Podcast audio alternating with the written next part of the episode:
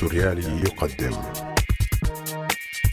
سيا سوريا مع رستم محمود.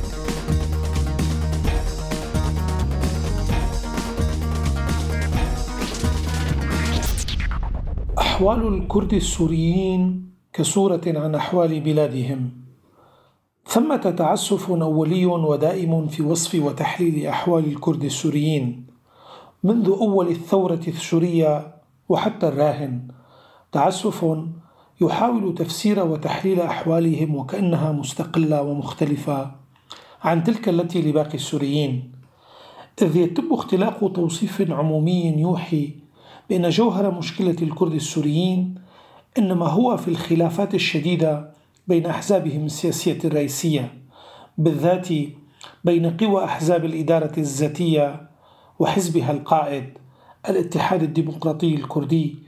وبين أحزاب المجلس الوطني الكردي السوري وأن هذا الخلاف إنما قائم على اختلاف في التوجهات الإيديولوجية والسياسية والاستراتيجية.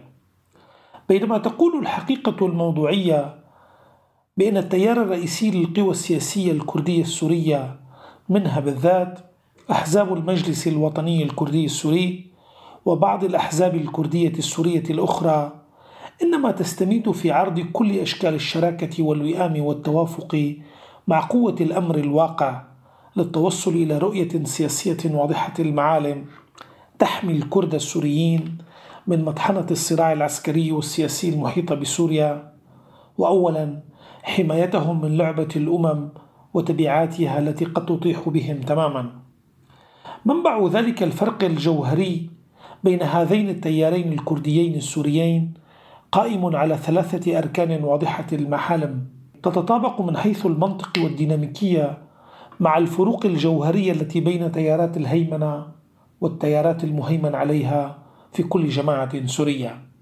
يشكل الاستبداد علامة التفارق الأولى بين هاتين القوتين، إذ لم تطمح أي من القوى الكردية السورية خلا حزب الاتحاد الديمقراطي الكردي وتياره الأيديولوجي لم تطمح يوما لأن تطغى على المجتمع الكردي السوري كهدف أول إذ كانت تطمح على الدوام لأن تحقق حضورا وتقدما للمسألة الكردية في البلاد دون أي ادعاءات وخطابات تقريعية رنانة تتجاوز واقع وظروف الكرد السوريين.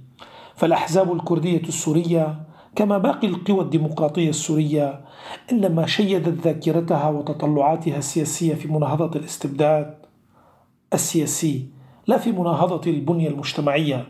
بمعنى أكثر وضوحا فإنها كانت تعتبر أن قضيتها هي في النظام السياسي وأجهزته وديناميكية عمله وليس في المجتمع وطبائعه وهوياته وصراعاته الداخلية. عكس الحركات الإسلامية وحزب الاتحاد الديمقراطي والنظام السوري وغيرها من القوى الشمولية التي تستقتل في سبيل الهيمنة على القواعد الاجتماعية أكثر من أي شيء آخر. الركيزة الأخرى تتعلق بالعنف بمختلف أنماطه وأشكاله الخطابية والسياسية والعسكرية، إذ لم تؤسس أي من الأحزاب الكردية السورية عالمها السياسي وتطلعاتها ورؤيتها على العنف التي كانت على الدوام ضحية له وأدركت في لحظات أكثر تقدما بأن واقعها الديموغرافي والجغرافي لا يسمح لها بأية تجربة من الكفاح المسلح أو الحروب الأهلية. تجارب الحروب الأهلية والكفاحات المسلحة التي تسرب العنف عادة ليكون واحدا من أدوات وآليات تفكير الحركات التي تقوم بها. لم تقع الأحزاب الكردية السورية فريسة لذلك على عكس حزب الاتحاد الديمقراطي المتأتي والمتراكب مع تجربة حزب العمال الكردستاني الذي خاض وما يزال حربا مدمرة مع الفاشية التركية التحطيمية.